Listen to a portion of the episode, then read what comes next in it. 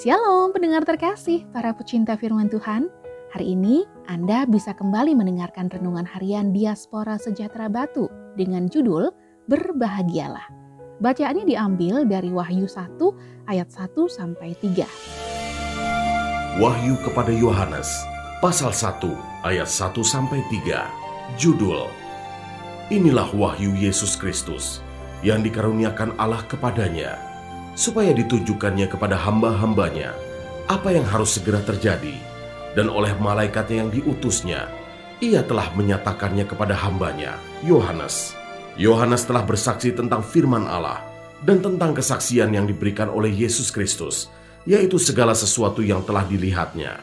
Berbahagialah ia yang membacakan dan mereka yang mendengarkan kata-kata nubuat ini dan yang menuruti apa yang ada tertulis di dalamnya, sebab waktunya sudah dekat.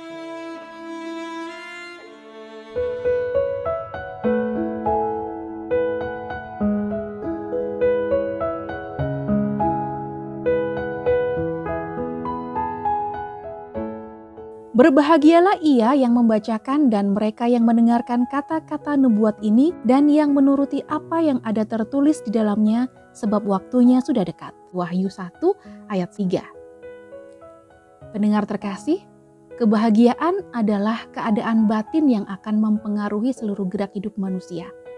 Dengan memiliki kebahagiaan, maka manusia bisa menjalani hidup tanpa beban dan kondisi yang seperti ini akan mempengaruhi kondisi kesehatannya juga. Kebahagiaan adalah tujuan utama dalam hidup manusia. Walaupun untuk mendapatkan kebahagiaan tersebut bentuknya beda-beda. Namun dalam pembukaan kitab Wahyu ini dikatakan bahwa kebahagiaan akan dimiliki oleh orang-orang yang melakukan ajaran-ajaran Yesus. Pendengar terkasih, melakukan ajaran Yesus harus tetap menjadi kebutuhan utama kita, meski keadaan zaman tidak semakin membaik dan malah sangat memungkinkan manusia menjauh dari Allah. Parahnya lagi, mereka bisa menghujat Allah yang turun ke dunia untuk menyelamatkan manusia. Oleh karena itu, kebutuhan utama kita harus segera dipenuhi, yaitu hidup di dalam kebenaran-kebenaran Tuhan. Mengapa?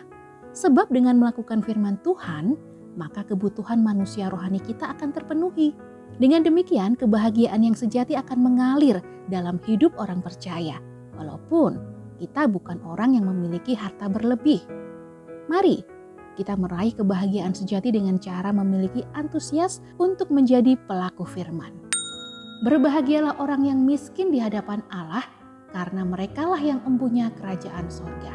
Matius 5 ayat 3 Tuhan Yesus memberkati.